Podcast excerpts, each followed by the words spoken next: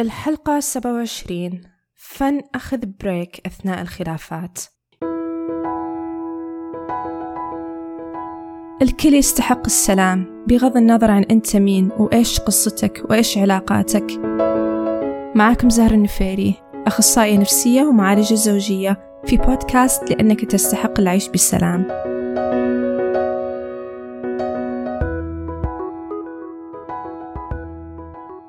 لما تكون في وسط نقاش ويبدأ النقاش يحتد أكثر. أو شريكنا يعلق تعليق معين فيه استفزاز فيه إهانة أو مجرد وجهة نظر مختلفة. ونبدأ نحس بسلبية جدا كبيرة. تبدأ دقات قلبنا تزيد وجهازنا العصبي يستثار ويدخل في حالة حرب. نبدأ نفقد تركيزنا على أي شيء ثاني. الدنيا فعليا تصير ظلمة. اللي تشوفه هو فقط شريكك. ما تقدر تركز على أي شيء ثاني. بس ما نشوفه كشريك تشوفه كعدو. تبغى تحمي نفسك من عنده. وتدافع عن نفسك سواء بهجوم بإهانة بعصبية أو بانسحاب. مثل تجاهل. تروح غرفة ثانية وتسكر الباب أو تطلع من البيت. إيش اللي صار هنا؟ اللي صار أن جهازنا العصبي السمبثاوي تمت استثارته. هذا النوع من الجهاز العصبي يفعل لما عقلنا يرسل له إشارات أن في حالة خطر. وما يهمه إيش نوع الخطر. هل الخطر هو سيارة بتصدمنا أسد راح ياكلنا أو مجرد تعليق وتصرف من شريك حياتنا. يكون أثار مشاعر صعبة بداخلنا أو أفكار سلبية. مثلا أوه هو ما يهتم أو هي أنانية هذا النوع من الجهاز العصبي هو هدفه حمايتنا ومهم جدا في حياتنا. لكن المشكلة لما يعتبر شريك حياتنا أنه هو مصدر للخطر.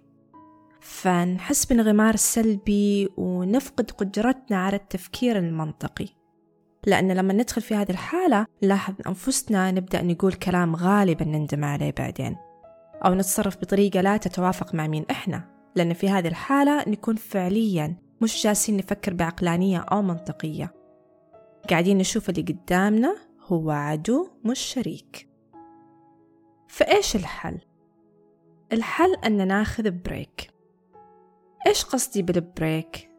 هو أن لما نحس بانغمار بالسلبية وبمشاعر جدا صعبة ونبدأ نلاحظ أن جالسين نفقد توازننا الفكري ونلاحظ أن جسمنا بدأ يرسل إنذارات بالخطر مثلا دقات قلبنا تزيد نبدأ نحس برغبة للدفاع أو الهجوم. هنا مهم ناخذ break في أن نعطي بعض خبر أن لأجل مصلحة علاقتنا راح ناخذ break عشان نستعيد عقلانيتنا وحكمتنا.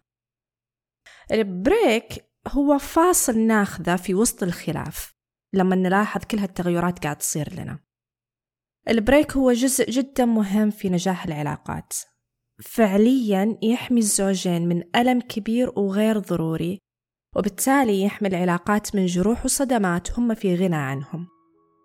لما نكون منغمرين بالسلبية يبدأ عقلنا يضخم الأمور ويعمم ويعرض علينا جميع الذكريات المؤلمة. ففي وقتها ننسى الود اللي ما بيننا ننسى الصفات الكويسة اللي في الآخر وإيش الأمور اللي نقدرها في بعض. ننسى قدرتنا على التفهم ننسى قدرتنا على التنازل وعلى التوصل لحل يرضينا. هذا لما نكون منغمرين بالسلبية ففعليا ما راح يجدي أبدا ولا بيكون مفيد أن نكمل نقاش وإحنا في هذه الحالة. عشان كذا أخذ break فعليا ضروري لاستعادة توازننا. طيب كيف ناخذ break؟ الخطأ اللي يسوونه الكثير هو أن شخص يقرر ياخذ break من غير ما يقول للآخر. ففجأة يطلع من البيت. فجأة نشوفه يطلع من الغرفة أو يسكر على نفس الباب أو في وسط النقاش يقول أنا ما أبغى أكمل الموضوع ومن غير ما يكون في شرح له وش اللي قاعد يصير معاه ومن غير ما يكون في اتفاق مسبق أن إيش راح نسوي لما ندخل في حالة من الانغمار السلبي. وهذه الحركة تزيد الموضوع سوءا. لذلك مهم جدا أول خطوة أن يتفقون الزوجين لفكرة ال break. وكيف أن هدف ال break هو لمصلحة علاقتهم ولحماية بعض من الألم والتوتر واستنزاف المشاعر. فيكون في اتفاق أن لما أي واحد فيهم يحس أنه بدأ ينغمر بمشاعر سلبية وعقله دخل في حالة حرب أنهم لازم ياخذون break علشان يهدؤون ويرجعون إلى منطقهم وعقلانيتهم ويكملون النقاش كزوجين مش كأعداء. طبعا مهم أن ما تكون فكرة ال break هي مجرد هروب من النقاش بحيث أن أوه إحنا بس حسينا بتوتر فنقول نبغى ناخذ break. لا لأن النقاشات مفيدة تخلينا نفهم بعض فعادي نحس شوي بتوتر أو انزعاج من النقاشات ما يحتاج ناخذ break. لكن لو حسينا أن في انغمار بالسلبية ومش قادرين نفكر بمنطقية وتركيزنا هو فقط كيف أهاجم أو كيف أهرب هنا نقول إيوة أنا أحتاج break طريقة طلب ال break راح تعتمد على الطرفين.